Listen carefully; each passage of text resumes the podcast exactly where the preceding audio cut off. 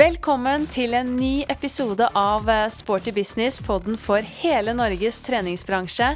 Jeg heter Eva Katrine og gleder meg som alltid til å gi deg en ny episode. Og i dag så gleder jeg meg litt ekstra, for denne episoden syns jeg har blitt utrolig fin og lærerik, så det er bare å glede seg. Og det er jo nettopp det som er målet med denne podkasten, nemlig det å utveksle kunnskap og erfaringer fra bransjen, og gi deg som lytter inspirasjon og faglig påfyll, slik at du kan lykkes enda bedre i den flotte jobben du allerede gjør for folkehelsen. Men så er det jo dessverre sånn at til tross for den gode jobben både du og jeg og alle andre i bransjen gjør, det unike tilbudet som finnes på sentrene i dag, og det at vi også har fått enda flere treningssentre i Norge, så er det jo dessverre sånn at vi sliter med å få flere mennesker inn på treningssentrene, inn dørene. Og det er jo kun om lag 30% av befolkningen som faktisk oppfyller Helsedirektoratets krav når det kommer til fysisk aktivitet i løpet av hverdagen. Så det å kunne klare å motivere enda flere til å ta steget inn på sentrene, bli værende der over tid, og ikke minst bli glad i å bevege seg, det er jo helt både for oss som bransje, vi ønsker jo å få folk inn dørene, men også for folkehelsen og samfunnet. Og i denne episoden så er det nettopp dette temaet vi skal touche inn på. Du kommer til å møte Elise Harila, som jobber som instruktør i 3T trening. Og hun forteller deg om hvordan hun selv faktisk har slitt med å finne sin plass på treningssenteret. Hun har hatt en lang vei fra i det hele tatt det å komme seg inn på et senter til å bli glad i fysisk aktivitet, og nå faktisk også da til å trene andre mennesker. Hun har kviet seg, som veldig mange andre, i mange år nettopp til å være fysisk aktiv på et treningssenter, og setter ord på denne følelsen så utrolig godt. Og i tillegg så er hennes historie fra å da synes at fysisk aktivitet var eh, alt fra kjedelig og kanskje vanskelig, men også noe man syntes var litt flaut, eh, og man følte ikke at man passet inn, til å da mestre det, bli glad i det, og ikke minst nå da jobbe som instruktør og spre treningsglede på 3T trening til masse mennesker. Det syns jeg er helt fantastisk. Så hennes historie, den uh, inspirerer i hvert fall meg noe helt enormt. Så derfor gleder jeg meg også å dele dette med dere. Riktig god lytt. Da sitter vi på et hotellrom i uh, Trondheim, da, Elise. Og det er veldig hyggelig at uh, jeg har fått uh, tid til å møte deg på tur. Og veldig glad for at du hadde lyst til å være med i podden. Så hjertelig velkommen til Sporty business. Tusen, tusen takk, Eva Katrine. Det har vært kjempehyggelig å bli invitert. Jeg har jo hørt alle episodene, så jeg ser jo at jeg er i veldig godt selskap. Så det syns jeg var superhyggelig. Veldig hyggelig å høre at uh, du virkelig har hørt gjennom alle episodene. Det har jo begynt å bli et uh, arkiv nå, så det setter jo jeg veldig stor pris på. Så, men du har uh, si, all god grunn til å være med i denne podden. og jeg har jo blitt kjent med deg gjennom 3T. Du var eh, student når vi hadde grunnutdanning for instruktørene i 3T gjennom Inspartum Akademi.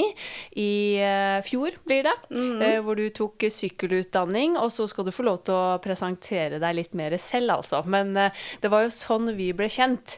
og jeg gleder meg veldig nå til å skravle med deg om aktivitet, trening og litt om din reise inn i bransjen. Men for de som da ikke vet hvem du er, kan du ikke fortelle litt om uh, din bakgrunn? Det kan jeg selvfølgelig gjøre. Jeg uh, heter da Elise og er uh, blitt 28 år gammel. Født og oppvokst på Nesodden, en liten halvøy utafor Oslo.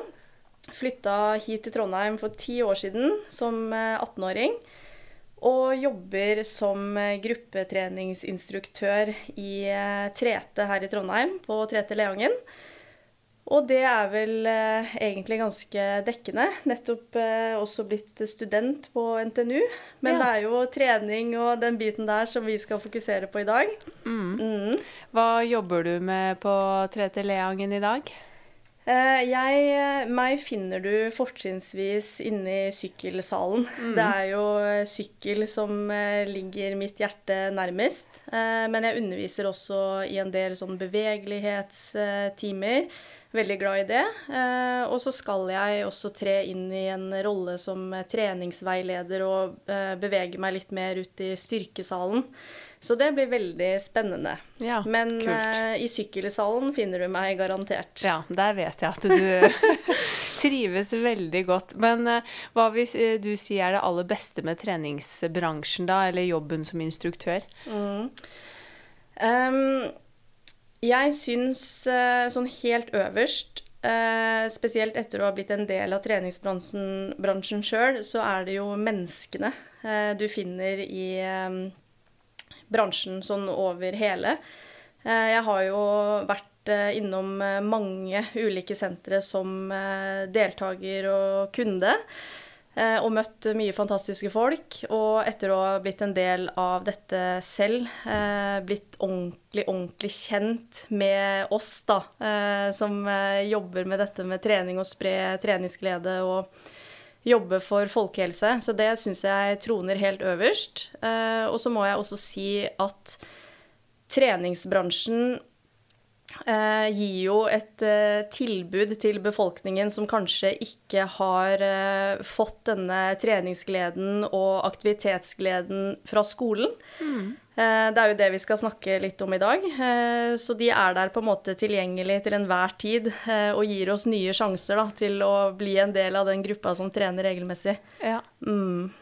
Vi er jo egentlig ja, gymlærere og aktivitetsledere for voksne mennesker, vi som Absolutt. jobber som uh, instruktører i treningsbransjen. Og som du nevner òg, folkene i bransjen. Det tror jeg alle, altså samtlige jeg snakker med, nevner jo folka i denne bransjen. De er ganske unike, og det er jo derfor vi trives så godt i denne bransjen. Men som du nevnte, da, så er det jo det vi skal snakke litt om i dag. Dette her med å faktisk eh, skape treningsglede. Egentlig få flere folk i aktivitet. Og det er jo grunnen til at jeg har invitert deg til Sporty business, nettopp fordi at i dag så er du skikkelig aktiv. Du jobber til og med som instruktør, og nå tar du da steget etter hvert og har lyst til å bli personlig trener og er en del av bransjen. Men det er jo sånn at eh, sånn har det ikke alltid vært for deg.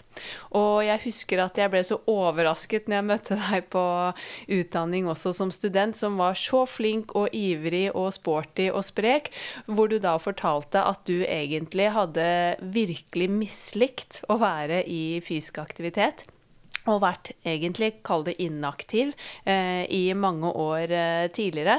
Så kan du ikke få liksom fortelle litt om eh, det? Jo. Um, jeg um, syns jo egentlig at um, Ok, nå må jeg bare formulere meg riktig. Fordi du sa jo dette med inaktivitet. Det er på en måte litt sant, men ikke helt. Mm. fordi at eh, jeg har alltid hatt et ønske om å være en sånn som trener. Eh, og sett liksom på venninner og klassekamerater som spiller fotball og slåball og altså leker, da. Ja. og syns at det har sett veldig spennende ut. Eh, men inni meg, da, som barn, eh, så hadde jeg en veldig sterk eh, frykt. eh, For ikke nødvendigvis å være fysisk aktiv, men at andre mennesker skulle se meg være fysisk aktiv. Ja. Eh, For jeg kommer fra en familie som på en måte Vi var jo på altså, litt sånn turer og sånn, men vi, vi var ikke den der typiske langrennsfamilien. Eh, Sånn at jeg hadde ganske lite erfaring med å være i fysisk aktivitet.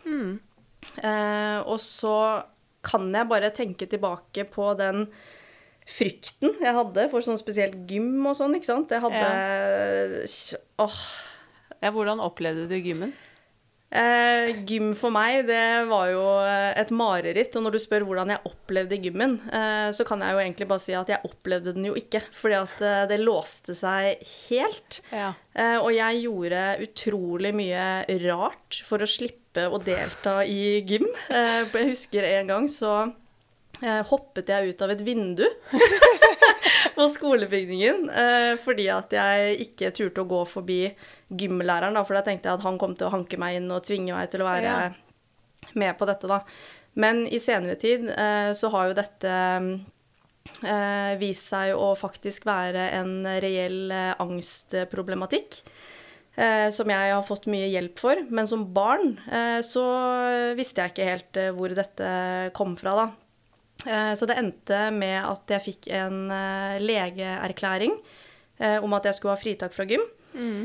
Så jeg hadde vel egentlig ikke gym i det hele tatt på skolen. Verken på barneskolen, ungdomsskolen eller videregående. Nei. Men jeg var likevel i fysisk aktivitet. Jeg bare måtte gjøre det litt på mine egne premisser. Jeg hadde noen sånn avtale med skolen og legen om at eh, jeg kunne gå meg en tur og liksom sånne ting, da. Fordi at jeg ville veldig gjerne være eh, aktiv og finne ut av dette, men ikke sånn i spotlighten eh, foran mm. alle klassekameratene mine og sånn, da. Ja. Ja. Så i voksen alder så har jeg jo veldig mange tanker om eh, hvordan eh, disse gymtimene ble lagt opp. Eh, og så i hvert fall vi som har lært om dette med selvbestemmelsesteorien eh, og motivasjon og det å skape mestringstro og disse tingene her, eh, der stryker jo eh, skolen blankt. I hvert fall gjorde den det på min tid, da. ja. Eh, nå har jeg en kompis som jobber som gymlærer, som er veldig dedikert og veldig ålreit, så det kan jo hende at eh, det har blitt annerledes nå, da. Jeg tror heldigvis at det har endret seg, men det er jo selvfølgelig også forskjeller rundt omkring. Eh, og, Ja. eh, men jeg tror nok eh, dessverre, i hvert fall for å kalle det litt sånn den gamle skolen, mange har erfaringer som deg. Det som ikke har likt eh, gymtimene. Og jeg husker jo også når jeg var ung, det var jo mange som ja, altså De fant jo på alle mulige unnskyldninger for hvorfor slippe å være med i eh, gymtimene. Og jeg husker også at det ikke alltid var ting jeg syntes var liksom tipp topp eller kjempegøy. For vi hadde veldig mye ballspill, og spesielt fotball. Og jeg spilte jo fotball etter hvert, men jeg var ikke akkurat et lysende talent på fotballbanen. og vi hadde veldig mye som altså måling og resultatbasert. Altså alt fra liksom friidrett, og det var mye målinger. Og når du da ikke er spesielt god i det, da, så er det jo en Kan det jo bli en påkjenning også at det er det som blir det mest Eller det, det er mesteparten av det du gjør i gymtimene. Istedenfor å ha mer eh, ja, varierte aktiviteter. Mer, som du sier, fokus på mestring. Eh, alt fra lag til lek til eh, utvikling og lære nye ting. Så Men uh, Jeg har også tenkt litt på det med å Men igjen, da, så uh, forstår jeg uh, at man som gymlærer, så har du jo kanskje ansvaret da for eh, fire eh, klasser eh, som alle sammen skal ja, nå disse læringsmålene som de garantert har. Men det er noe med det å eh, la eh, spesielt barn da, eh, finne ut av dette litt på sine egne premisser. For hvis du setter like krav til ja, 30 ganger 4 elever da, og sier at nå skal dere løpe 5 kilometer, eh, eller nå skal dere gjøre ditt og datt og sånn, da. Eh, og så har disse elevene så forskjellig utgangspunkt. Noen har kanskje kjempekondis og masse erfaring ved å bevege seg i det hele tatt, da. Mens andre har kanskje ikke rørt på seg i det hele tatt. Og det å i det hele tatt eh, vite om du er i stand til å løpe fem kilometer, da, og så skal du gjøre dette foran eh, alle vennene dine og Nei, jeg syns at det er eh, at det er litt bakvendt, da. Men etter at du da hadde sluppet unna gymtimene i, i mange år og gikk ut fra videregående, hvordan så årene dine da ut eh, etter det med tanke på trening og fysisk aktivitet? Eh, jeg meldte meg for første gang inn i et treningssenter som 15-åring, tror jeg. Eh, og som jeg nevnte innledningsvis, så er jo jeg fra Nesodden. Eh, så der hadde jeg jo masse venner og folk som eh, visste hvem jeg var. Eh, så derfor så meldte jeg meg ikke inn i et senter på um, Nesodden. Eh, jeg tenkte at jeg skal finne meg et litt sånn anonymt, eh, hyggelig, jovialt senter i Oslo. Ja. Eh, hvor det er veldig lite sannsynlighet for at jeg møter noen jeg kjenner og sånn, ikke sant. Eh, turte ikke å melde meg inn i disse store kjedene som Sats og Elexia og sånn, for der eh, tenkte jeg at eh, der uh, hører jeg ikke hjemme. uh, så jeg meldte meg inn i et senter som het Friskis og Svettis. Ja. Og det var et fantastisk hyggelig senter, og det var jo der jeg fikk den derre første gode opplevelsen med gruppetrening. ja. Eh, der eh, Åh, jeg husker det så godt. Det var eh, en slags eh, Jeg tror egentlig det var en slags fire ganger fire aerobic. ja. Eh, hvor det ikke var noe step eller noe sånt. Det var to instruktører i midten. Eh, som var supersprudlende, skikkelig, skikkelig spreke. Jeg, ble, jeg, fikk, jeg fikk jo crush på begge to. Eh, og så på de veldig raskt som eh, forbilder og tenkte der, eh, det er akkurat det der jeg vil gjøre, da. Og sånn vil jeg bli. Eh, og den gruppetimen der, den var jeg med på regelmessig. Eh, søsteren min også var med på dette senteret, og vi gjorde dette i lag. ja.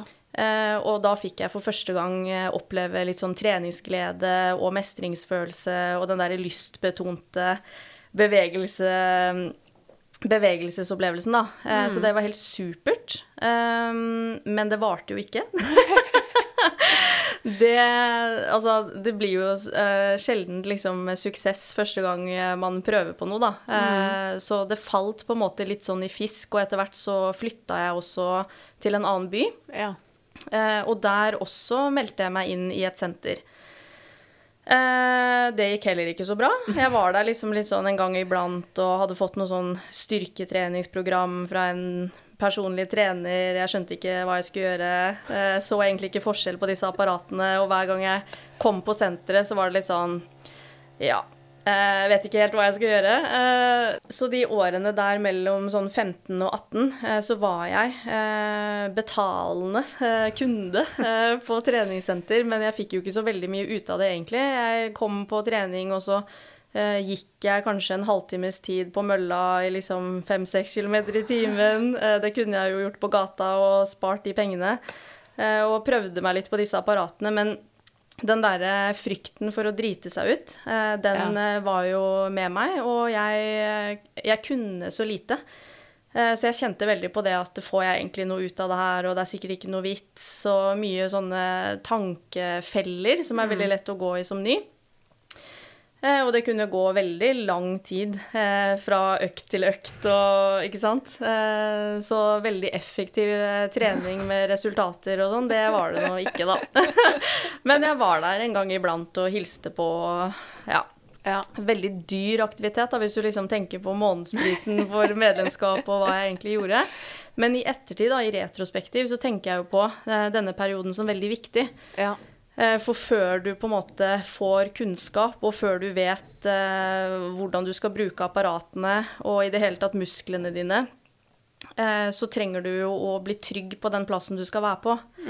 Eh, så det å tørre å stå i det og bare være på en så skremmende, ukjent arena, det må alle gjennom på et eller annet tidspunkt. Da. Så jeg er veldig glad for at jeg klarte å stå i det. Eh, Men jeg husker jo at jeg liksom prøvde å lese meg opp, leste bl.a. om knebøy, som liksom skulle være en av de mest effektive øvelsene. Eh, Så den tenkte jeg jo at jeg skulle gjøre. Den gjorde jeg på toalettet i garderoben, eh, så det kunne jeg jo sikkert bare gjort hjemme, ikke sant. Eh, Men det var bare noe med å eksponere meg selv for å være på senteret. Eh, ja. Så jeg ser på dette som en veldig sånn eh, fin eh, erfaring, for at jeg har brukt den eh, i senere settinger også. F.eks. Altså, om man ikke har noe eh, erfaring med treningssenter, så har kanskje Altså de aller fleste har jo erfaring eh, i å være ny på en eller annen plass. F.eks. i en ny jobb. Det er jo ingenting som er så energikrevende som ikke kunne arbeidsoppgavene sine. Du kjenner ikke kollegaene dine, du kjenner ikke klientellet. Nei, det er dødsslitsomt, det er dødsskummelt. Men du må bare stå i det eh, Mm. i en periode før du blir trygg, da. Eh, og den erfaringa fikk jeg jo eh, på treningssenteret. Og så har jeg brukt den veldig aktivt eh, hver gang jeg har starta i en ny jobb eller begynt på en skole eller et eller annet Ja. sånt. da. Så det har vært nyttig. Um, ja, og så Det siste treningssenteret jeg var medlem i før jeg flytta til Trondheim, det var i Drammen, og der også var jeg innom eh, en gang iblant. Eh, men det som er tingen, er at eh, jeg var ikke med på noen gruppetimer eller ble kjent med noen av de ansatte som jobbet der. Det var liksom bare meg og det der programmet som jeg hadde fått. Det bar veldig lite frukter. Eh, men da jeg var 18 år, så bestemte jeg meg for å flytte til Trondheim. Eh, og da hadde jeg gått ett år på folkehøyskole, eh, og da var jeg i skikkelig dårlig fysisk form, altså. Jeg hadde lagt på meg ganske mm, mye ekstra vekt, og hadde vært veldig inaktiv. Jeg følte meg ikke bra. Og da fikk jeg en sånn hva skal jeg si, en veldig sånn sterk følelse av at nå må jeg eh, endre eh, på mye. Eh, og da røyka jeg også sigaretter. Eh, det er litt rart å tenke på. ja, det var, eh, det var ikke bra. Det var en dårlig livsstil. Jeg hadde mange dårlige vaner. Ja. Men flytta til Trondheim. Og da var jeg også jeg, altså jeg var jo ikke noe spesielt selvsikker eller trygg på meg sjøl eller ingenting sånn. Eh, men da jeg kom til Trondheim, så skjønte jeg jo at det som på en måte var sånn elitesenteret her, det var Trete. Trete. Så da tenkte jeg da skal jeg ikke melde meg inn der. eh, men da var det Da var jo Sats her. Eh, Ja. Sats som, og jeg hadde jo hele tiden tenkt at Sats, der var liksom de proffe og de kule og Ja, ja. eh, veldig trente folka. Men da jeg kom til Trondheim, så var det på en måte trete, sånn at da kunne jeg melde meg inn i Sats. Og jeg husker jeg syntes at det var litt kult. Da var jeg liksom medlem på Sats, eh, Deres Majestet. Um, men eh, det gikk ikke så bra, det heller, egentlig. Eh, da var jeg blant annet, prøvde jeg meg også på en sånn spinningtime, faktisk. Ja. Eh, men fikk ikke en sånn kjempegod opplevelse med det. Eh, jeg gikk faktisk ut. Jeg var den eh, typen som bare reiste seg opp og gikk ut og tenkte det skal jeg aldri gjøre igjen. Det var altfor tungt og ikke noe for meg. Og så kan vi spole litt fram i tid. Da hadde jeg jo tatt litt sånn tak i kostholdsvaner og jeg jobba, prøvde å jobbe ganske aktivt med min egen selvfølelse. Det var liksom mye greier jeg jobba med da, samtidig og parallelt. Ja. Eh, men etter hvert da, eh, så traff jeg en eh, dame her i byen eh, som skulle vise seg å være en sånn nøkkelperson. Jeg tenker at det er to nøkkelpersoner eh, som skal ha veldig mye ære for at jeg er der hvor jeg er i dag. Hun ene, det er jo Jeg må bare name-droppe henne, for jeg vet at hun kommer til å høre på. Uh, hun heter Hilde. Og hun møtte jeg etter å ha bodd i Trondheim i et år eller to, tror jeg. Uh, og så er det en sykepleier ja. som eh, jeg møtte en periode hvor jeg var ganske dårlig, så jeg var ganske lenge på sykehuset. Så jeg kan starte med han. Eh, han eh, var en sånn eh, sykkelfyr eh, som eh, elsket å sykle og brukte liksom all fritida si på å eh, holde på med disse syklene sine, sykla ritt og var liksom eh, veldig eh, interessert i dette. Han skjønte nok at jeg hadde et ønske om å være mer aktiv, eh, og introduserte meg for dette sykkelkonseptet. Ja.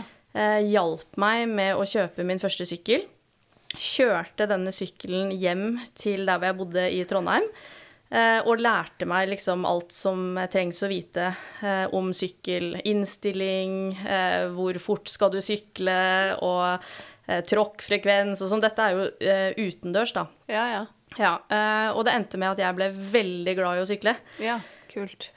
Sånn at da ble jeg jo med ett mye mer aktiv. Sykla rundt og kosa meg med det. Og så litt senere så møtte jeg hun Hilde. Eh, og vi ble veldig, veldig gode venninner. Eh, og hun trente på trete. Ja. Eh, det gjorde jo ikke jeg. Jeg Nå tar jeg jo eh, Hva heter det her? Gåsetegn. Gåsetegn. Trente på Sats. Jeg gjorde jo ikke det, men jeg betalte jo medlemskap. Eh, og hun overtalte meg til å bytte senter eh, og begynne å trene sammen med henne. Eh, og nevnte ofte at jeg måtte prøve en time som het pulsspinn eh, på 3T, fordi at jeg var så glad i å sykle. Men jeg hadde jo prøvd spinning før, Ja. eh, så jeg likte å sykle, men jeg likte ikke å spinne. Nei. Eh, men hun ga seg ikke. Eh, og etter hvert så bytta jeg senter. Vi begynte å trene regelmessig sammen. Hun kunne mye mer enn meg. Hun hadde jo trent hele sitt liv. eh, og mm, fikk meg med og lærte meg veldig mye. Eh, og når vi tenker på alle disse små triksene som man kan gjøre for å komme seg på trening, mm. så var det plutselig veldig mange som helt naturlig eh, kom til. Blant annet dette 'finn deg en treningsvenninne', ikke sant? Ja, ja. For hvis eh, ikke selve aktiviteten er lystbetont, eh, så blir det jo sosialt, og det er hyggelig å treffes, ikke sant? Du lager en avtale med noen. Det blir mye vanskeligere å sluntre unna, da. Ja, ja. Eh, Så etter hvert der så fikk jeg inn regelmessig trening, og fikk eh, mye sånn eh, eksponeringsterapi på treningssenteret. Um, og etter hvert så ble jeg veldig interessert i styrketrening. Uh, ja, nå Det er jo veldig mye som har skjedd da på disse ti årene. Um, Men jeg vet at hun venninnen din maste og maste og maste om denne gruppetimen, og at det tok veldig lang tid før du sa ja. Det tok kjempelang tid. Uh, og nå er det sånn Når jeg tenker på det her, så blir jeg helt varm i hjertet mitt. at hvis det ikke hadde vært for hun, hvis ikke hun hadde vært så sta, så hadde ikke jeg nå hatt den jobben som jeg elsker, og som betyr så sinnssykt mye for meg. Så det starta med hun. Jeg har så mye å takke hun for. Eh, og som type så er hun veldig sånn oppbyggende. eh, altså, jeg, fikk sånn selvtillitsboost eh, Fantastisk. av å være hennes eh, venninne. Eh, men til slutt så ble jeg også med på den pulsspinn-timen da, som hun hadde gnåla om eh, lenge. Og da, eh, da skjedde et vendepunkt eh, i livet. For den timen, den bare elsket jeg. Hva Eh, var det som eh, gjorde at eh, den var så magisk? Den var så magisk fordi For det første så var det noe som jeg eh, mestret. Ikke sant? Jeg fikk eh, mestringsfølelse. Eh, Pulsspinn, det er en time som eh, består av fire ganger fire intervaller. Eh, Så fire minutters arbeid, høy intensitet, tre minutter pause, ganger fire. Oppvarming og nedtrapping, og så er det liksom Det er det. Eh, Så det fikk jeg til. Eh, Og instruktøren var helt fantastisk, syntes jeg. Han var pedagogisk, han var motiverende, han var snill, empatisk. Jeg lærte veldig mye av han. Jeg skjønte senere at han hadde noe sånn fysioterapibakgrunn, så han hadde mye kunnskap. Eh, Så i starten så var det jo bare det å melde seg på og så gjennomføre på et vis. Eh, Men etter at jeg fikk inn dette som en sånn regelmessig aktivitet en gang i uka, så opplevde jeg for første gang å få progresjon Ja. i min egen trening, ikke sant. Jeg opplevde å få bedre oksygenopptak, jeg opplevde å få bedre sykkelteknikk, jeg opplevde å få det til, ikke sant. Tror du det var først og fremst det at du mestret det som gjorde at du elsket den timen? Ja, Ja. det tror jeg, for jeg har følt meg som en noldus i Men- alle tidligere aktiviteter, men akkurat der så var jeg i mitt rette element, da. Ja, Men husker du om denne instruktøren sa eller gjorde noe spesifikt for også å på en måte bygge opp under det, eller var det litt fordi at du da hadde syklet på egen hånd ute, og så kom inn på en spinningtime? Ehm, det er jo eh, litt forskjell på det å sykle ute eh, og det å spinne på en spinningsykkel. Eh, sånn at ehm, Jeg vet ikke om det var så overførbart, eh, egentlig. Eh, men jeg opplevde at han ehm, Han ehm, forklarte eh, kompliserte ting på en veldig lett fordøyelig måte. Så jeg opplevde å forstå hva han snakket om, ikke sant? Ja. Eh, og så var han veldig min type person.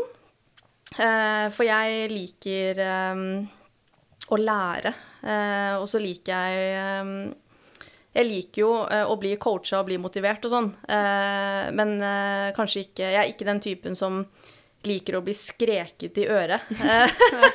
Ja, så jeg syns Jeg fikk en sånn fin opplevelse av at gruppetrening ikke trenger å være bare skrik og gnål og høy musikk, da. Eh, Jeg tror at eh, måten en fire ganger fire eh, er lagt opp på, eh, gjør at den passer så godt både for nybegynnere og også for veldig drevne eh, altså folk som har drevet med mye utholdenhet. Da. For du kan, jo, du kan jo ta det Altså, er du skikkelig dårlig trent, så kan du jo bare gå fire ganger fire. Mm. Eller du kan, fire ganger fire kan du gjøre på masse forskjellige måter, da. Ja. Eh, sånn at eh, jeg klarte jo å sitte der og tråkke i fire minutter. ja, og på sykkelen er det jo også veldig fint, fordi du kan jo justere motstanden, og du kan være med på ja, samme Ja. time som de som er godt trent, da. Ja. Og det er ingen som ser eh, hvor mye eller lite motstand du har på hjulet, så det er veldig lett å blende inn, da. Ja. Så hvis man ikke gjør sånn som jeg gjorde første gang, å reise seg opp og gå Jeg kan ikke tro at jeg gjorde det. Um, så, um, eh, så kan du i hvert fall henge med hele timen. Da. Det blir ikke så synlig eh, at du ikke får det til.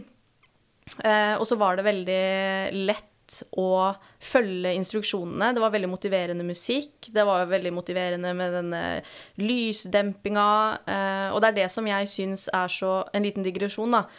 Men det som jeg syns er så fantastisk med gruppetreningskonseptet, eh, det er at det er så mange elementer på plass nettopp for å trigge motivasjon og treningslyst, ikke sant? Ja. Eh, og du slipper å gjøre det på egen hånd. Mm. Du får denne fellesskapsfølelsen, ikke sant. Eh, kanskje kan det være det at du tar med deg en venninne, eh, sånn som vi var jo to stykker. Men du blir også en del av en gruppe. Og selv om du ikke snakker med de andre, så får du liksom den derre gruppefølelsen uansett. uansett. Eh, høy musikk eh, som er nøye valgt ut, det vet jeg jo nå. Eh, nå som dette er min jobb også, at eh, vi velger jo låtene med omhu, og det er mye jobb da, bak Ja. å levere en gruppetime. Eh, så jeg forelsket meg bare helt i det, eh, og også i denne instruktøren, da. Så jeg begynte å gå på hans timer én gang i uka i lang tid. Eh, og så etter hvert så begynte jeg også å sjekke ut samme, ti eh, samme time, eh, men med ulike instruktører, og jeg ble liksom aldri skuffet. Kjøpte meg sykkelsko, og da opplevde jeg en sånn ny sånn boost av progresjon. Ja, ja. Kjempegøy. Og så begynte jeg jo etter hvert da å bli ganske trygg i lokalene da, på 3T. Eh, for da hadde jeg vært der mye. Da hadde jeg vært der flere ganger i uka da, sammen med hun venninna mi. Eh, begynte å snakke litt med de andre som trente der, og begynte å bli kjent med de som jobbet der. eh, og begynte å trives. ikke sant? Jeg trodde aldri jeg skulle oppleve det. eh, og føle meg hjemme og velkommen, og at jeg liksom skulle høre til der. Nei. Eh, fordi at jeg følte meg så annerledes. Eh, og så har jeg jo fått en helt annen eh, opplevelse av hva, eh, trenings, eh, hva som egentlig foregår inni et treningssenter, ikke sant. Mm. for tidligere så eh, tenkte jeg på det som eh, at det var et eh, tydelig skille mellom de som trente og de som ikke trente. Ja. Eh, og den opplevelsen av å komme inn på et treningssenter, eh, og når du er helt ny og ser deg rundt, så ser det ut som alle vet hva de driver med. Eh, og alle er så godt trent. ikke sant? Du tenker 'hva gjør du her'? Du er jo ferdig, eh, ser det ut som. og så kommer du der og vet ikke opp og frem på noe, eh, og du føler deg veldig utilpass. Eh, det er på en måte førsteinntrykket ofte. Men hvis du er der lenge nok, da, eh, og mange nok ganger, eh, så ser du jo at det er et veldig stort mangfold. Det er alle slags mennesker som trener på treningssenteret, og det er ingen som ser på deg. ingen som dømmer deg, ikke sant. Så alle disse ideene som jeg hadde, og sikkert veldig mange som kanskje hører på, som tenker at eh, de ikke kommer til å føle seg vel eller velkommen eh, på et senter. Hvis man greier eh, på et eller annet vis eh, å komme seg gjennom eh, den første fasen, mm. så er jeg ganske sikker på at det er en plass eh, for alle eh, innenfor disse veggene, da. Og en annen ting er jo det å bli eh, litt kjent med de ansatte. Eh, prate litt, om det så er de i resepsjonen, eh, de som jobber som veiledere eller personlige trenere, gruppeinstruktører, og så blir man kjent, og så ser man at å ja, det er jo bare mennesker. ja. Eh, og de er snille, og liksom de har hatt sin, sin reise og har sitt liv og sånn, da. Eh, men som eh, utrent og eh, usikker, så følte jeg at det var eh, At det var eh, et sånt skille, da ja. Mm. Ja, mellom er- oss. Ja, og nå er det litt sånn, herregud, i starten da jeg begynte å jobbe som instruktør, så hadde jeg litt sånn bedragersyndrom. Eh, og liksom tenkte sånn, herregud, er jeg trent nok eh, til å ha denne rollen og sånne ting, da? Eh, og så etter å ha snakka med mange andre i bransjen, så er jo dette helt vanlig. Eh, vi er jo bare mennesker. Ja. Ja, faktisk. Men det er jo veldig interessant det du sier, for det er jo nettopp det at eh, altså, vi sliter jo med å få folk inn på sentrene. eh, og vi sliter med å få flere folk i aktivitet, og treningsbransjen eh, egentlig kall det konkurrerer om den samme medlemsmassen. Vi får ikke de nye inn, og jeg vet ikke hvor mange jeg selv også har møtt og snakket med som er sånn å ja, men jeg må bare trene meg opp litt først. Eller ja, nei, men jeg vet ikke helt om treningssenteret er noe for meg. Og jeg tror nok det er mange som kjenner på den som du eh, setter ord på, da. Kall det den frykten for å ikke kunne, ikke passe inn, ikke vite hva man skal gjøre med disse apparatene, eller hva annet gjør man på et senter. Hva skal man ha på seg? Hvordan ter man seg? Eh, så det er jo veldig relevant. og da er jo kanskje en type, i hvert fall treningsvenn, en veldig god eh, start. Men har du noen andre tanker om hvordan man kan klare å få folk over den dørstokkmila? Eh, jeg personlig har benyttet meg av alle triks eh, som finnes, og som jeg har eh, kommet over. Fordi en ting som har hjulpet meg, det er kunnskap. Eh, ikke bare om trening, men også litt om psykologi eh, og hvordan vi mennesker fungerer. Eh, F.eks.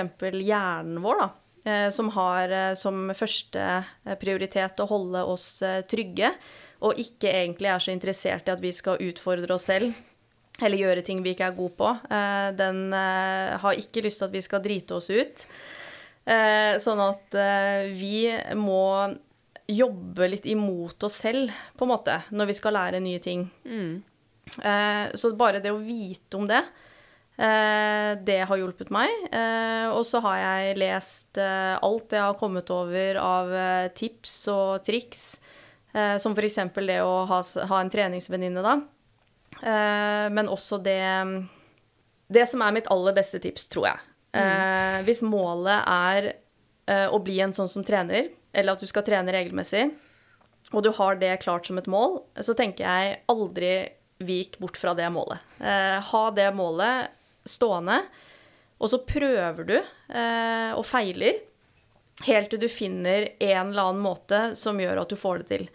Eh, og, det, og så tenker jeg at hvis man er forberedt på at eh, man må teste ut forskjellige typer aktiviteter, så er man litt sånn forberedt på det. Sånn at hvis du, la oss si at du melder deg på en spinning, og så liker du ikke det, istedenfor å tenke ja, ja, ok, men da, da blir det ikke noe trening. Eh, det å liksom bestemme seg for at ja, ok, men da prøver jeg noe annet. Eh, og det er så mange ulike måter å røre på seg på, og alt passer ikke for alt. Eh, og så er det ikke alt vi liker første gang vi prøver det. Man må liksom prøve et par ganger, da.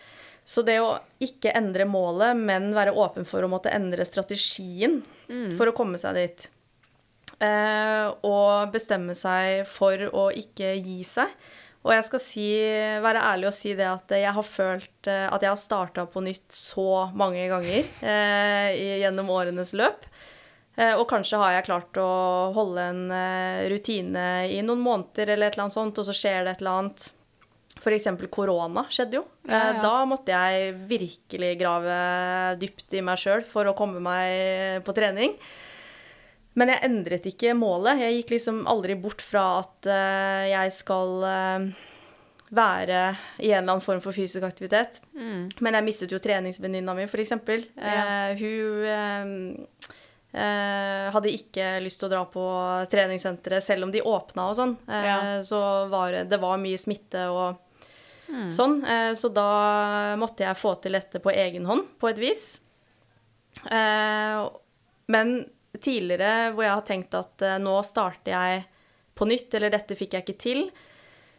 Nå tenker jeg at jeg fortsetter litt der hvor jeg slapp, med enda litt mer erfaring og enda litt mer kunnskap. Og så er det Det er jo direkte overførbart til masse andre arenaer i livet, ikke sant. Eksempel når du studerer, da. Eh, Så må du jo lære deg hvordan du er student. Hvordan tilegner du deg kunnskap best mulig? Eh, altså trenger du å pugge? Trenger du å være med i en kollokviegruppe? Du må Ja, liksom ja. bare teste masse ulike ting for å finne ut hvordan kan jeg effektivt lære nytt stoff. Og så hvis vi overfører det til trening, eh, så handler det om at OK, eh, må du ta på deg treningsklærne som det første du gjør når du står opp, f.eks.? Ja. Eh, eller må du pakke treningsbagen og ta den med deg på jobb? Vet du at hvis du ikke tar den med deg, eh, så kommer du til å bli sittende i sofaen når du kommer hjem? Eh, trenger du å eh, møte noen på trening, f.eks.? Da jeg eh, i gåseøyne mistet min treningsvenninne, så brukte jeg det litt som motivasjon at ok, nå drar jeg på trening, eh, og så tar jeg med meg en digg matpakke, og så setter jeg meg i resepsjonen, og så snakker jeg med alle de andre som er der etterpå. Ja. Veldig hyggelig. Eh, men da måtte jeg jo først dra på trening. ja. Eh, andre triks jeg har brukt, er jo å ikke høre på treningsmusikk når jeg ikke er på trening. Ja. Eh, så hvis jeg, det er masse musikk som jeg digger å høre på, eh, så vet jeg at hvis jeg skal høre på dem, så må jeg, da må jeg trene. Ja, ja. Sånne ting. Ja. Eh, det er masse ulike triks. Men jeg syns jo det er veldig, igjen, altså kjempegodt poeng, men også viktig det du snakker om, dette er med at man må altså holde det målet, Ja. og ikke føle at man mislykkes hver gang man egentlig i gåsetegn må begynne på nytt. For det er jo nettopp det at veldig mange begynner, og så livet skjer. Enten om det er ting på privaten eller jobb, eller plutselig er det masse å gjøre, eller det er andre ting som skjer, og så får man plutselig ikke til den treningen som man hadde planlagt, og så blir man sånn åh, jeg får det ikke til. Og så føler man at jeg må begynne på nytt igjen, ja, jeg begynner på mandag, eksempel. Uh, og så igjen så skjer det noe, eller kanskje man har satt seg litt for urealistiske målsettinger da, med tanke på hvor mange ganger man skal trene, eller noe sånt nå. Og så skjer det et eller annet uforutsett, og så får man den følelsen at åh, jeg får det ikke til. Og alle de følelsene av at jeg får det ikke til, og må begynne på nytt igjen, det tynger jo på mestringsfølelsen og, og motivasjonen. Men også da være klar over at veien til suksess, enten det er å bli da en som trener regelmessig, eller om du skal lykkes med studier eller få drømmejobben, eller hva enn det er, så er jo ikke den veien til målet eh, en sånn rak, lineær linje. Det kommer til å være ganske mange humper og berg-og-dal-baner på den veien. Og det er jo nettopp de da uforutsette tingene som skjer. Og så vet du at OK, det funka ikke nå, men da finner jeg kanskje en plan B. Eller så som du sier da, jeg fortsetter eh, der Ja. jeg slapp. Som at man ikke hele tiden sier til seg selv åh, nå må jeg begynne på nytt. Mm.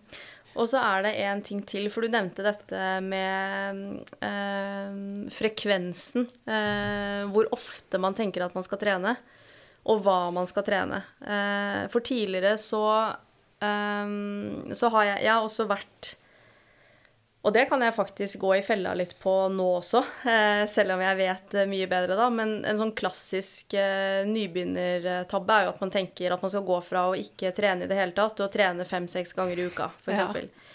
Og da blir jo fallhøyden veldig stor. Og uansett da, om du får til å trene fire ganger i uka, så får du ikke den gode mestringsfølelsen eh, fordi at du ikke har fått til å trene de seks øktene da, som du hadde planlagt.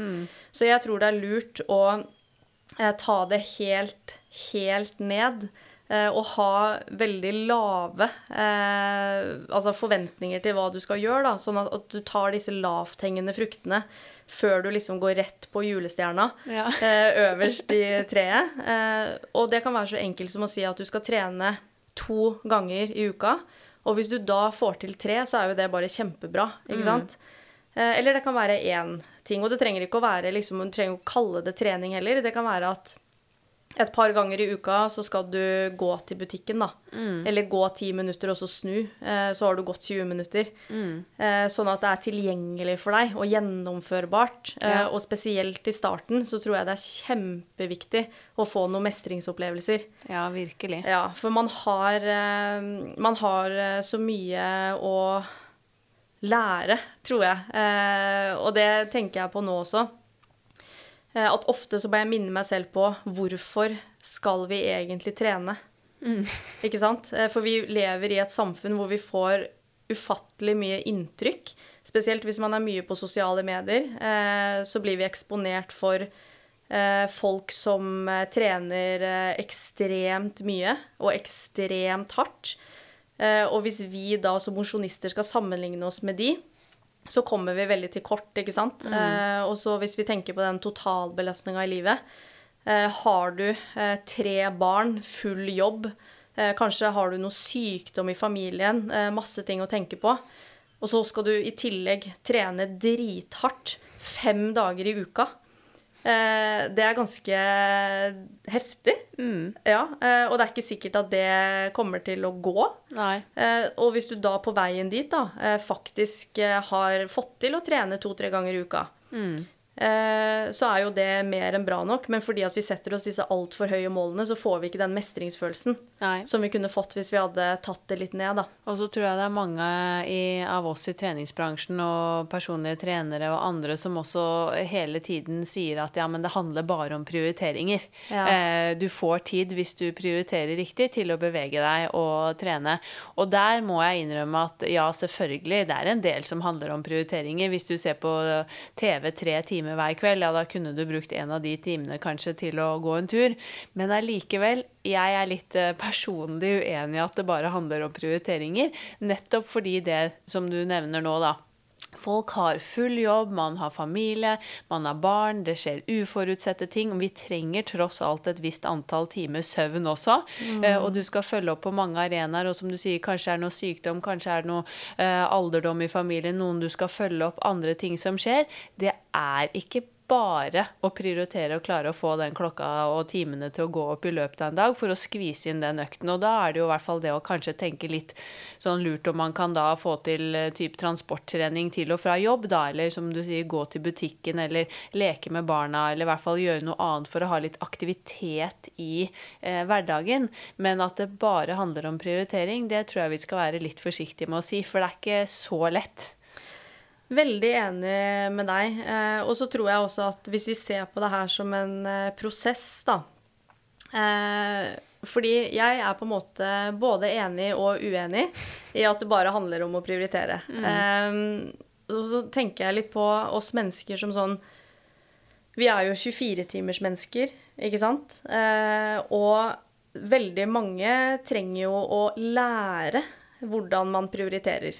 Eh, og se på hvilke muligheter man har. Eh, men hvis eh, man er helt ny og fersk og kanskje har dårlig selvtillit, dårlig tro på seg sjøl, så er det faktisk Altså, det tar mye energi. Ikke sant? Du skal plutselig så skal du legge opp en hel kabal. Og så, ok, hvis vi tenker sånn alle har tid til å trene én time. Eh, det er jeg enig i. Eh, vi kan jo reise oss opp nå og ta oss en tabbata her på ja. hotellrommet. Eh, men for mange så er det en kabal som skal gå opp med at ok, jeg må ha rene treningsklær, og så må jeg jo ha egna sko. Det er jo sånn Altså, ja, du kan jo ikke ha på deg hvilken som helst sko heller når du skal på trening. Du må komme deg dit. Det er mye greier som Altså, det kan, det kan ta tid, da. Mm. Så det å bruke litt tid på å finne ut ok, hvordan skal jeg få dette inn i min personlige hverdag, eh, og så ha fokuset retta mye mer innover, istedenfor å se seg rundt på alle andre som eh, får det til, da. Ikke Ja. sant? Og vi vet jo ingenting om hva som foregår i livene til disse menneskene. Ikke sant? Eh, og hvem som helst eh, går jo i fella på at man sammenligner seg med andre, og som regel kommer man jo til kort. Ikke sant? Man kommer jo alltid dårligst ut eh, når man driver og sammenligner seg, da. Og det er også noe man må lære seg.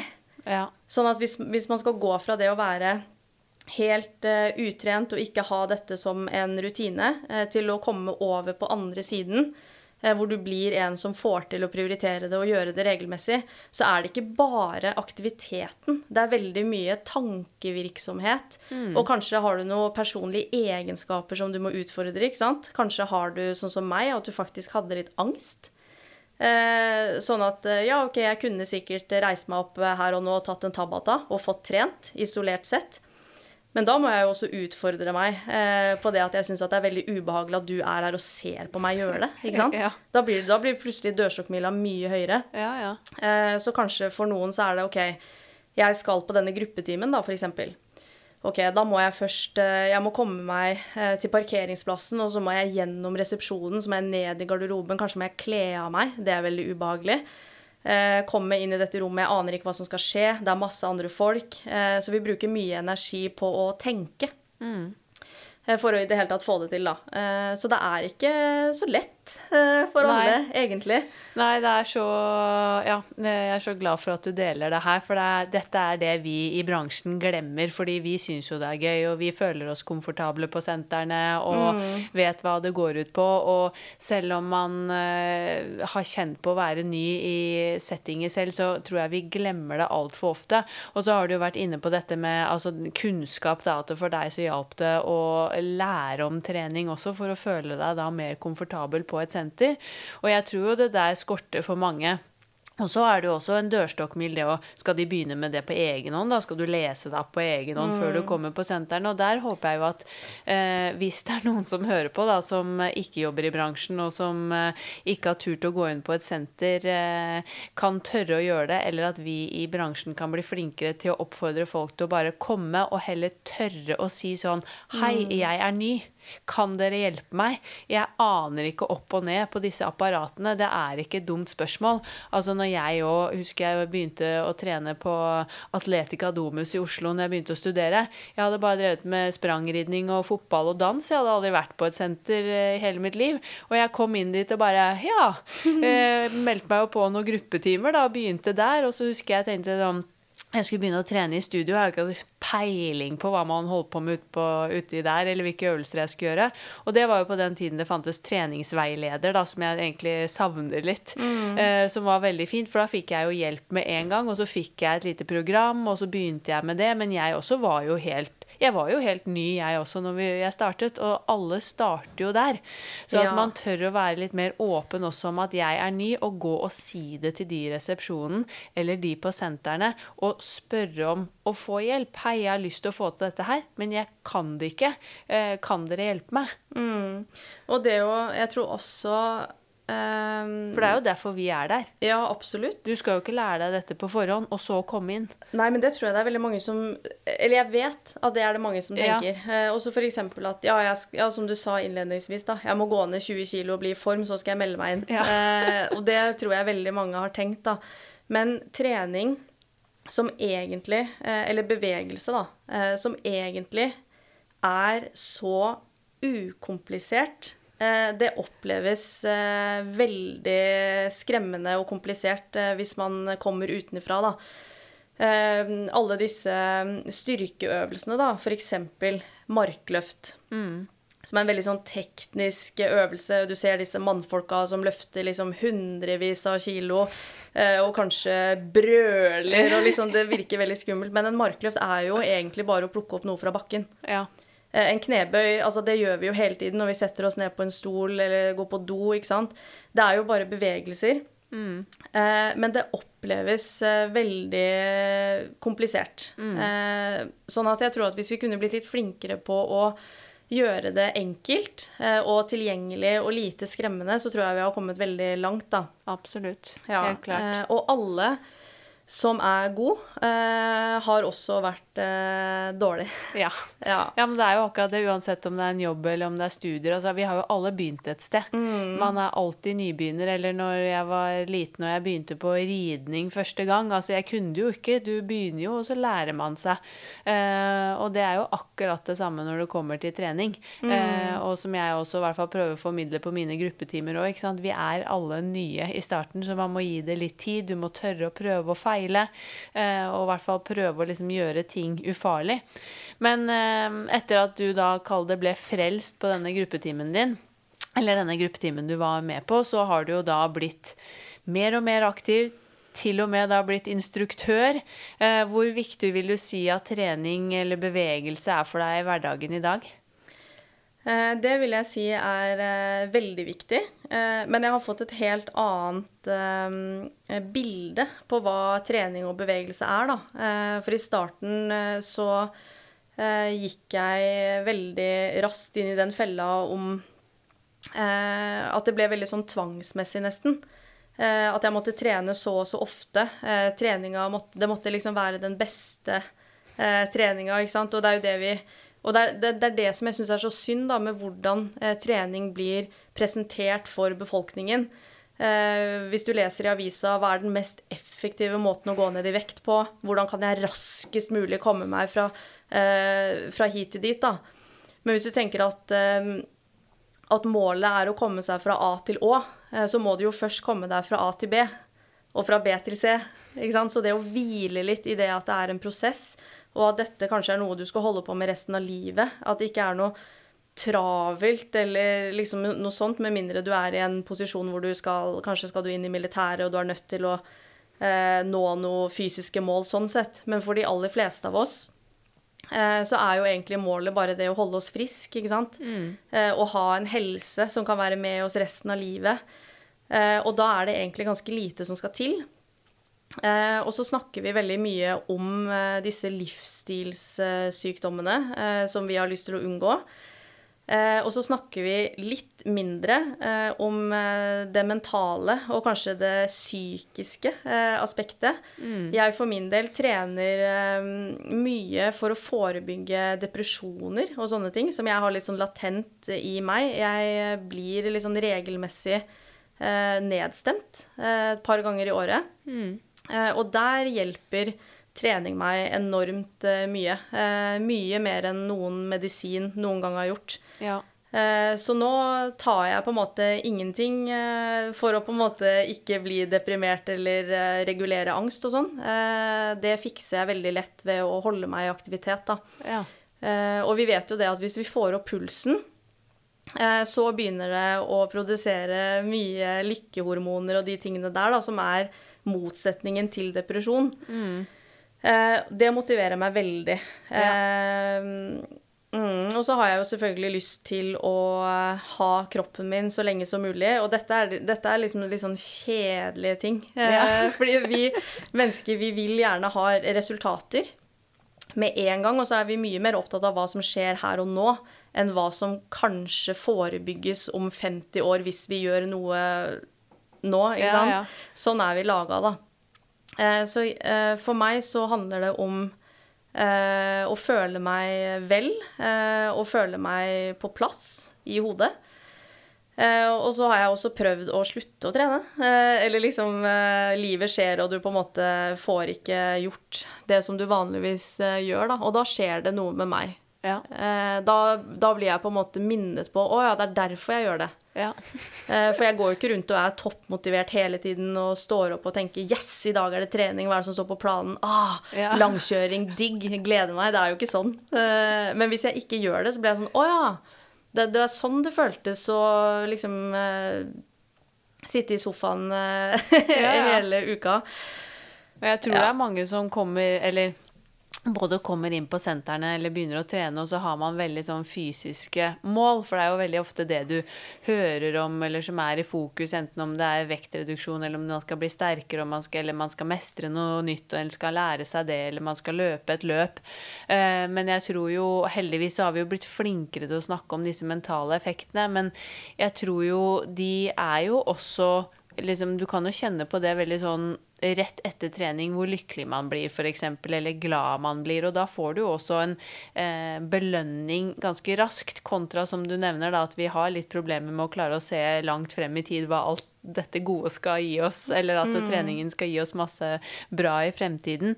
Eh, og det kjenner jeg jo på selv. Altså, jeg har hatt kanskje en dag som har vært utfordrende, og jeg er sliten og det har vært mye jobb, og så har jeg en gruppetime og er liksom i fyr og flamme etterpå og høy på livet, og du tenkte liksom klar til å bare løse alle verdens problemer.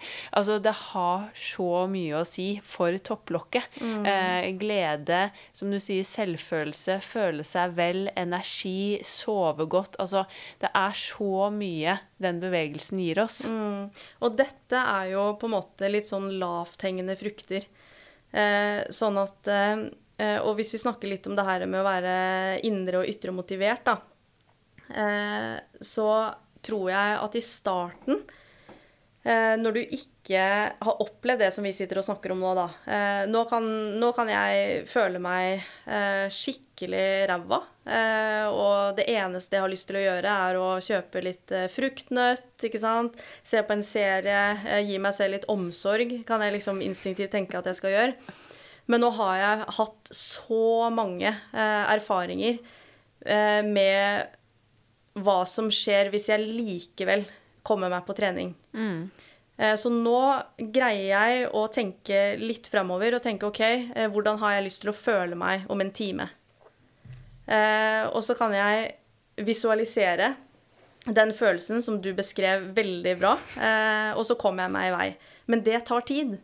Du trenger ganske mange positive opplevelser for å eh, annullere en dårlig en. Eh, Sånn at hvis den eneste erfaringen du har med fysisk aktivitet, er at det er jævlig og tungt og flaut og bare masse negativt, så trenger du kanskje en som kan holde deg litt i hånda gjennom den første fasen. Og det kan jo være oss, vi som jobber i bransjen.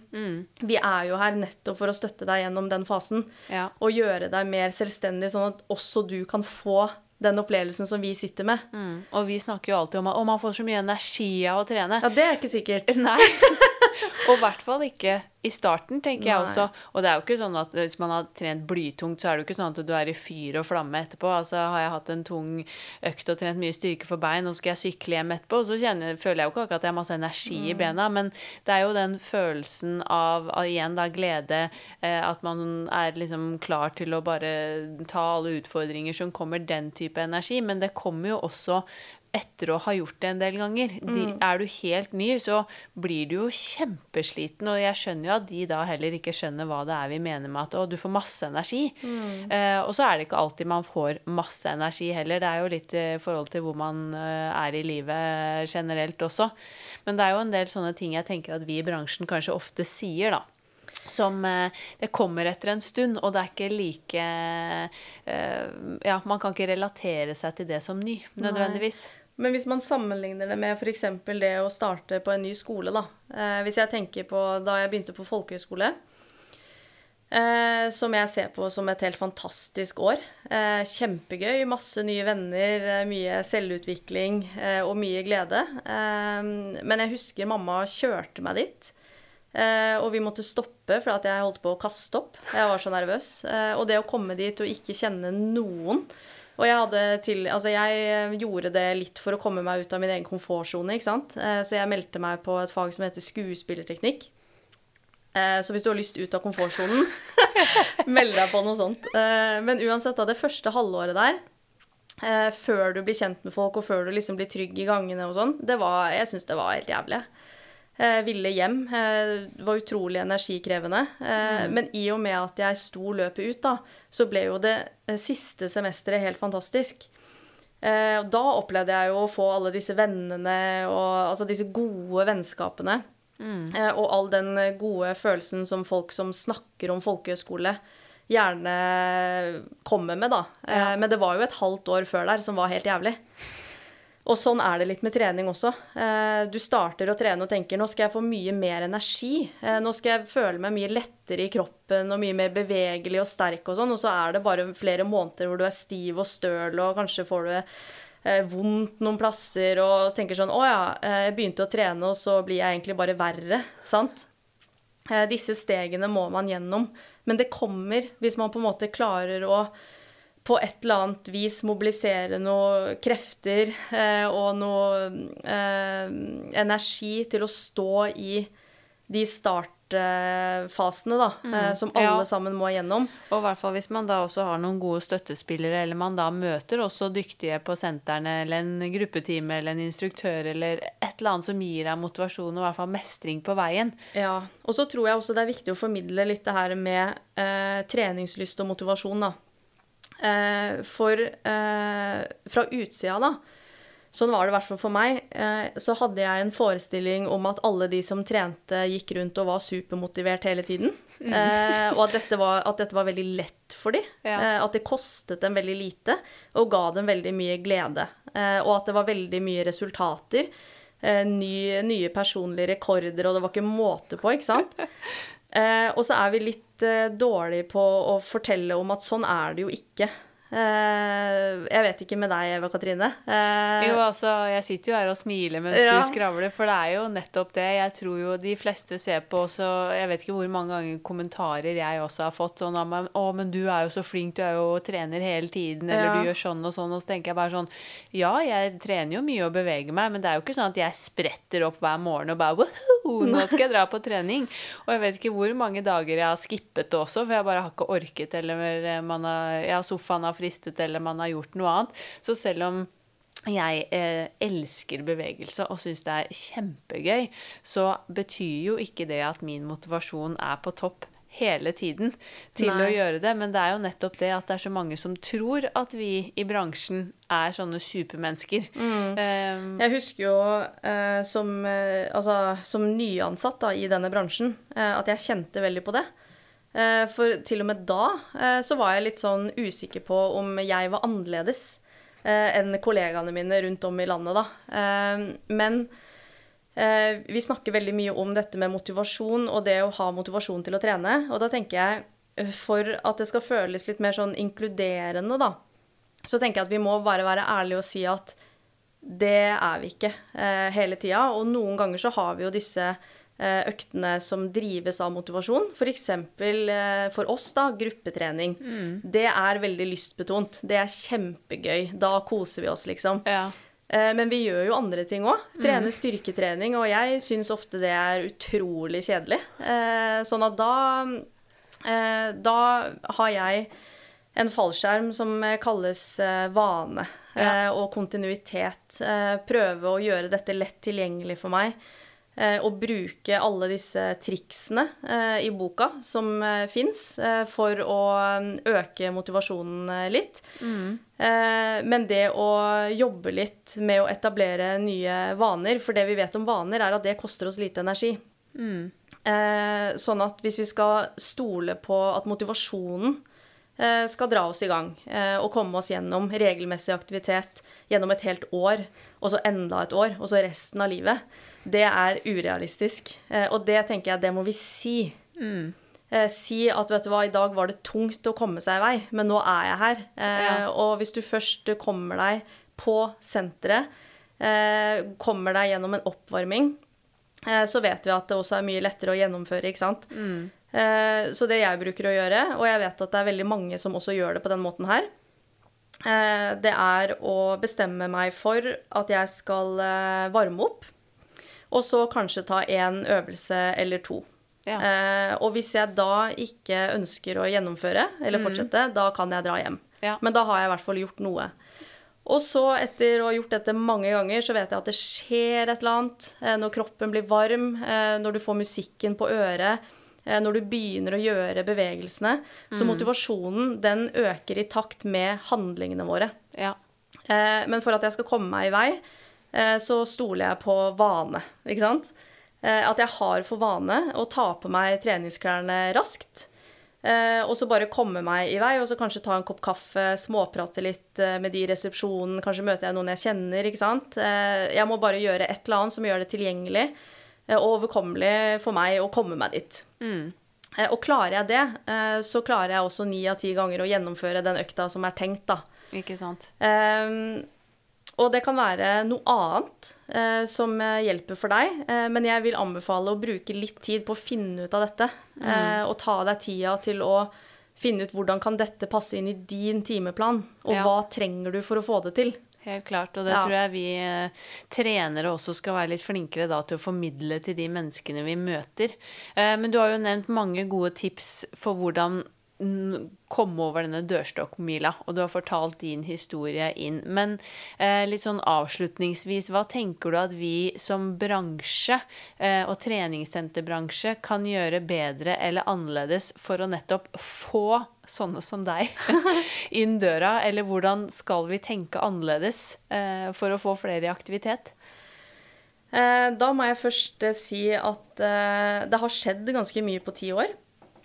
Eh, og jeg syns at treningsbransjen gjør veldig mye riktig. Eh, og jeg syns at eh, bransjen er gode på å være ydmyke og åpen for å liksom endre seg og sånn. Men det er stor forskjell på treningsbransjen generelt og som helhet, og de ulike treningskjedene, eller disse sentrene som er selvstendige og sånn, da. Det er veldig stor forskjell på hvordan de presenterer dette med bevegelse og trening. Mm. Um, og der tenker jeg at hvis uh, målet er å nå ut til de 70% i befolkningen som ikke trener på et treningssenter, så tror jeg kanskje at eh, markedsføringa kunne eh, altså vært gjennom en liten sånn revidusjon, da. Fordi hvis du går på gata og går forbi ja, jeg, ja, ulike sentre da, og ser plakater, så er det jo gjerne veldig sånn eh, fitte personer. Lav fettprosent, eh, eh, høy muskelmasse.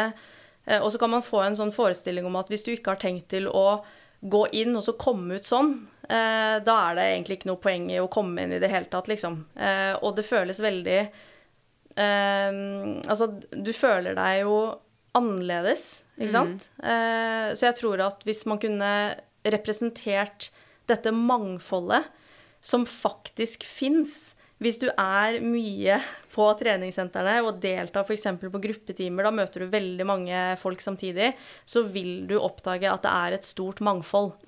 Det er alle slags mennesker som trener på senteret, eh, og det er mange nye. Eh, og hvis du er der lenge nok, så kan det hende at du til slutt blir en del av liksom eh, de som kanskje Sånn som jeg tenker litt på meg sjøl, da. Ja. Jeg prøver å ha det litt i bakhodet at eh, eh, folk som møter meg eh, Det kan jo hende at de tror at eh, jeg har vært sånn her eh, hele livet. Ja. Det stemmer jo ikke. Jeg også har vært kjemperedd eh, og utrent og uerfaren. Eh, Men er du med lenge nok, så kan det hende at du havner i liksom den andre eh, gruppa til slutt. Og da tenker jeg at det er viktig å representere dette mangfoldet ut i befolkninga. Eh, hvordan er det egentlig vi eh, presenterer dette med bevegelse? ja. Ja, fordi det er eh, Noen av oss har lyst til å konkurrere i en fitnesskonkurranse eller et eller annet sånt. Mens de aller fleste av oss ønsker jo egentlig bare å ha et liv med litt mer bevegelse, ikke sant. Og vi er også i bransjen. Og vi er også på senteret, da. Men det vet man jo ikke før man kommer seg over eh, dørstokken og er litt med, da. Ja. Eh, så kanskje det hadde gått an å reklamere på en litt annerledes måte. Mm. For eksempel det har vært en sommer, og vi, du har spist mye is, kanskje vært litt latere enn du skulle ønske, og så blir du møtt med at eh, disse Altså eh, Neste år så kan du få den sommerkroppen som du har drømt om, liksom. ja. Eh, og vi vet jo at kropp selger, eh, men jeg er litt usikker på om det er det beste virkemidlet til å få folk inn på senteret, da. Ja. Igjen så er jo det skremmende, og så trekker man linjer til idrettspsykologien gjennom motivasjon, så er jo nettopp det da igjen en ytre motivasjonsfaktor som kanskje da drar deg inn. Altså det er ytre faktorer som utseende som er hovedgrunnen. Og ja, det kan være en motivasjonsboost i starten, men man ser jo at det da sjelden holder over tid. Så, så da er det sånn typisk eh, man trener en periode, og så faller man av. Fordi man gjør det av denne plakaten, eller at man har en eller annen eh, idé om at ja, men jeg burde se sånn ut, istedenfor at man gjør det fordi man syns det er gøy, givende, det gir deg glede, energi. Jeg tenker jo, eller jeg vet i hvert fall at der hvor jeg jobber Jeg syns at vi er veldig gode på dette. eh, Og er veldig stolt av eh, å tilhøre Trete, da. Eh, Og eh, i starten, hvor jeg ble inspirert av ja, kanskje sånn plakater om et ønske om å kanskje se annerledes ut og sånn, så merker jeg at når jeg er på trening, så inspireres jeg veldig av det eldre klientellet. Ja. Eh, ikke sant? Eh, fordi at det er veldig lett for meg å si at eh, jeg har klart det. Jeg har trent regelmessig i ti år. Eh, men jeg har jo et ønske om å holde dette ved like til jeg også blir pensjonist. Eh, og vi har vel en som trener hos oss som er Jeg tror han er straks 100 år. ja. Det syns jeg er veldig inspirerende. Ja. Eh, og så vet vi òg det at det er veldig lett å la seg motivere av sånne typiske estetiske mål. Eh, men som du også sa, så er jo dette ganske sånn eh, Det er en ganske skjør motivasjon. Mm. Den er ikke sterk nok eh, til å eh, endre en livsstil, f.eks. Eh, sånn at de som har eh, fått til dette med å trene regelmessig og sånn, jeg tror eh, at det er fordi at de har fått kjenne på alt det andre, eh, det som vi ikke snakker så mye om. Eh, hvordan det føles. Eh, og kanskje har du funnet en aktivitet som gir deg glede, eh, sånn at du får den indre motivasjonen mm. som gjør at du klarer å opprettholde aktiviteten over tid. Jeg har mye mer tro på det. Men så vet vi jo det at motivasjon det er på en måte det startskuddet som får deg i gang. da. Så uansett hva det står på disse plakatene, Um, på, et, på, en eller annen måte så må vi få dem inn, eh, mm. og så må vi ta dem imot, og så må vi vise dem eh, hva trening egentlig handler om, da. Ja, og jeg ja. tror vi skal bli flinkere til å inkludere ja, glede og det å ha det morsomt og gøy på enda flere arenaer i treningsbransjen enn det man har gjort hittil, hvor det kanskje har vært forbeholdt gruppetrening. Men det mm. er så utrolig viktig da, for å få med enda flere mennesker, og for at de skal kunne finne sin uh, plass. Mm. For det er så viktig, og det er ikke ikke sånn at alle trenger en treningsdagbok og trene fire ganger i uken og gjøre en knebøy og ha full kontroll på treningen. Det er ikke det det handler om uh, i det hele tatt, egentlig. Det er selvfølgelig Noen elsker det, men for andre så er det noe helt annet som uh, vil appellere til uh, ja, hva man syns er morsomt, hva man trives med. Og så kan det jo endre seg. Eh, i løpet av et helt liv, ikke sant. Eh, så jeg tenker hvis målet er eh, Hvis vi tenker folkehelse, da. Vi vet jo at det er mye stillesitting og mye inaktivitet, og at det ikke er bra. Så hvis målet er å få til den anbefalte mengden med fysisk aktivitet, da, så tror jeg at vi kunne hatt godt av å ta det litt ned. Skape litt rom for at det ikke trenger å være så strengt, ikke sant. Eh, det er veldig mye fokus på, eh, sånn, eh, på progresjon, f.eks. At vi skal bli sterkere. Men for mange så, det, så kan det i hvert fall i starten være nok å eh, faktisk bare løfte noen vekter, da. Mm. Ja. Eh, og så kan det hende at det endrer seg eh, etter en stund. Kanskje blir du litt sånn som meg, at du etter hvert blir veldig nysgjerrig på dette med styrke. og har lyst til å følge et program og bli eh, ordentlig sterk og syns at det er morsomt. Eh, men alt i sin tid, da, tenker mm. jeg. Eh, og ønske alle sammen velkommen og på en måte eh, Hvis det er noen som eh, er litt sånn happy go lucky da, eh, i treningshallen og bare da, har lyst til å nå har jeg lyst til å ta litt sånn knebøy, og så har jeg lyst til å ta litt burpees og kanskje hoppe litt på kasse og sånn det er helt greit. Ja. Eh, så ikke liksom løpe etter de med treningsprogram. Men har du liksom progressiv eh, belastning over tid, og liksom skal du ha noe fremgang, så må du gjøre sånn. Eh, kanskje etter hvert. Ja. Eh, men først må vi få litt sånn mestringsfølelse og godfølelse rundt dette med bevegelse, da. Mm. Ja. Start der hvor du er, og så er det ingen som blir råsterk og lempe 100 kilo på knebøyracken og så begynne å løfte. Vi må liksom legge på en halv kilo av gangen. Ja, Så starte der hvor vi er, og så vet vi ikke hva som kommer til å skje mange år fram i tid, da. Eh, men jeg tror at hvis vi klarer å eh, formidle at det er et stort mangfold, og at alle sammen, uansett aldersgruppe og erfaring, har noe på et senter å gjøre og er hjertelig velkommen, så tror jeg vi har kommet ganske langt, da. Mm, ja. Virkelig. Jeg er veldig enig, og jeg tror vi skal la det bli uh, siste ord. Jeg er så takknemlig for at du har villet uh, dele dette med oss, og jeg syns også du er så modig og raus i måten du forteller om din opplevelse. Så vi i bransjen har enormt mye å lære av dette her. Men uh, avslutningsvis, har du også noen tanker om hvem du kunne ønske å høre selv i podden? Ja, jeg vet at det har blitt nevnt før. Men men hadde, jeg er litt enig i det at det hadde vært interessant eh, å få høre fra en som ikke jobber i bransjen, mm. eh, men som kanskje bare er en eh, deltaker, og kanskje har vært det over tid, og hvilke refleksjoner og sånn de har på oss. Ja. Eh, fordi mm, også mange av oss er jo både liksom litt sånn deltaker og kunde og ansatt, men jeg tror at vi kan bli litt sånn farget av å være en så stor del av miljøet, da. Helt klart. Eh, så det tror jeg kunne vært eh, veldig spennende å ja. høre. En medlemsepisode, det må vi få på plass, for det er det mange som har ønsket seg. Men tusen hjertelig takk for at eh, du tok deg tid, Elise, og for at du ville dele dine tanker og refleksjoner eh, med oss. Det har vært eh, kjempelærerikt, og det setter jeg utrolig stor pris på, så tusen hjertelig takk. Bare hyggelig. Det var veldig hyggelig å bli invitert. Så håper jeg har sagt noe som kanskje kan nå ut til Jeg ønsker jo å nå ut til de som var litt sånn som meg. Eh, ikke eh, Som ikke har kommet seg inn eh, på senteret, fordi at det er faktisk utrolig hyggelig og veldig givende Helt å klart. være en del av dette. Så alle er velkommen.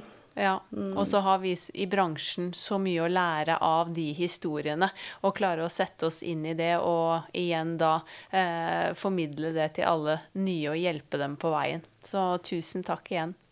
Bare hyggelig. Tusen takk for at du nok en gang lyttet til Sporty business. Det setter jeg enormt stor pris på, og uten dere lyttere så hadde ikke denne podden vært til. Så tusen, tusen hjertelig takk. Jeg håper at du har blitt like inspirert som meg etter eh, historien til eh, Elise, og for oss som jobber i bransjen, vi har mye å lære av dette for hvordan vi skal tenke og legge til rette for å få nye mennesker inn på sentrene.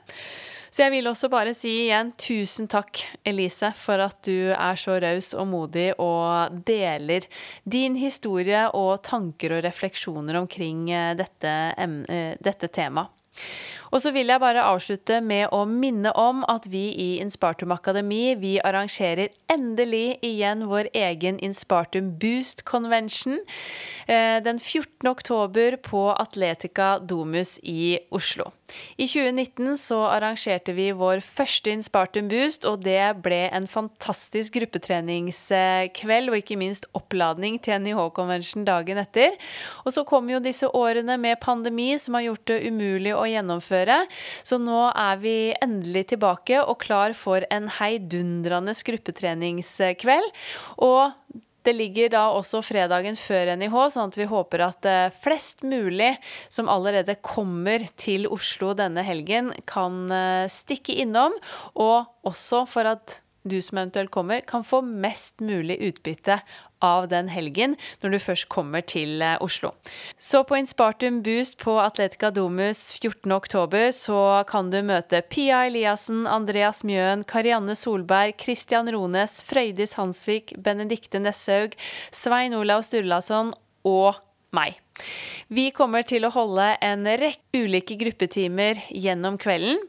Og du kan også være med på et eh, foredrag i timedesign av styrketimer med Christian tidligere. Så det begynner fra halv fire hvis du vil være med på foredrag, og så er det gruppetimer fra fem til halv ni denne fredagskvelden. Så vi gleder oss eh, enormt, og det er eh, en spennende timeplan. Så jeg håper at jeg ser så mange kjente fjes som mulig på Inspartum Boost 14. oktober Krone 300.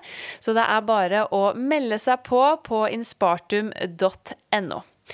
Følg oss også gjerne i sosiale medier at Sporty Business eh, podcast, og bli gjerne med i gruppen vår på Facebook, Sporty Business. Og så poddes vi igjen om to uker. Ha en fantastisk sporty uke videre. Denne podkasten produseres av Inspartum Akademi og North Stories.